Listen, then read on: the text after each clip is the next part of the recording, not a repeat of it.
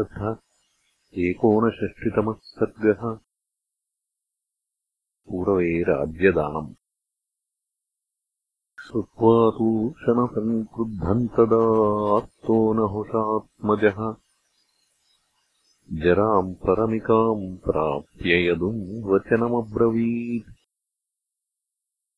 यदो त्वमसि धर्मज्ञो मदर्थम् प्रतिगृह्यताम् जराम् परमिकाम् पुत्र भोगै रंस्ये महायशः।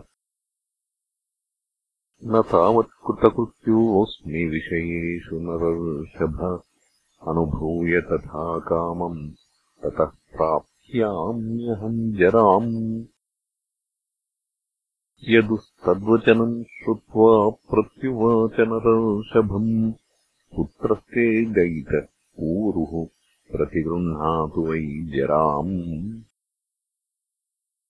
बहिष्कृतोऽहम् अर्थेषु सन्निकर्षाच्च पार्थिव। प्रतिगृह्णातु वै राजन् कस्तहाश्नाति भोजनम्। तस्य तद्वचनम् श्रुत्वा राजा पूर्वम् अथाब्रवीत्। इयम् जरा महाबाहो मदर्थम् प्रतिगृह्यताम् नाहुषेणैव मुक्तस्तु पूरुः प्राञ्जलिरब्रवीत्। धन्योऽस्म्यनुगृहीतोऽस्मि शासनेऽस्मि तव स्थितः पूर्ववचनमाज्ञाय नाहुषः परया मुदा प्रहर्षम् अतुलम् लेभे जराम् सङ्क्रामयच्च ताम्। ततः स राजा तरुणः प्राप्य यज्ञान् सहस्रशः बहुवर्षसहस्राणि पालयामास मेदिनीम्। अथ दीर्घस्य कालस्य राजा पूर्वमथाब्रवीत् आनयस्वजराम् पुत्र न्यासम् निर्यातयस्व मे। न्यासभूता मया पुत्र त्वयि सङ्क्रामिता जरा। तस्मात् प्रतिग्रहीष्यामि ताञ्जराम् माम् व्यथाम् कृथाः प्रीतश्चास्मि महाबाहो शासनस्य प्रतिग्रहात्। त्वाञ्चाहम् अभिषेक्ष्यामि प्रीतियुक्तो नराधिपम्।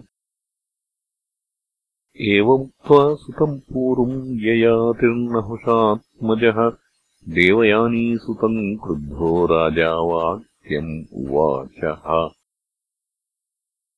राक्षसत्वम् मया जातः पुत्ररूपो दुरासदः प्रतिहंसि ममाज्ञाम् यत् प्रजार्थे विफलो भव।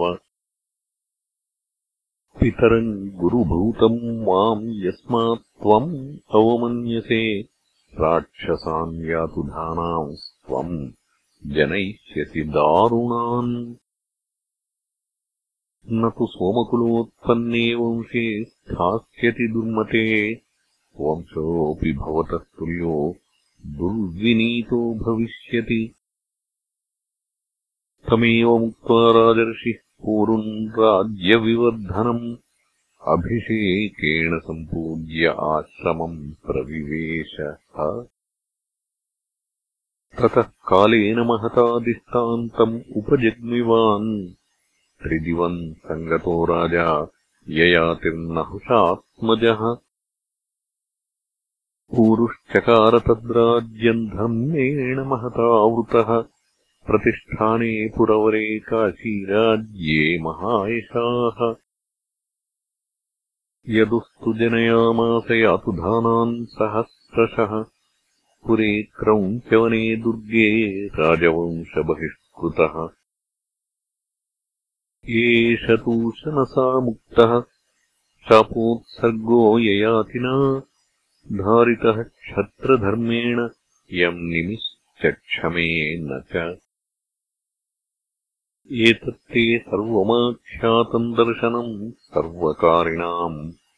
अनुवर्तामहे सौम्य दोषो न स्याद्यथा नृगे इति कथयति रामे चन्द्रतुल्यानने च प्रविरलतरताम् व्योमजज्ञे तदानीम् अरुणकिरणरक्ता दिग्बभू चैव पूर्वा कुसुमरसविमुक्तम् वस्त्रमाकुण्ठितेव।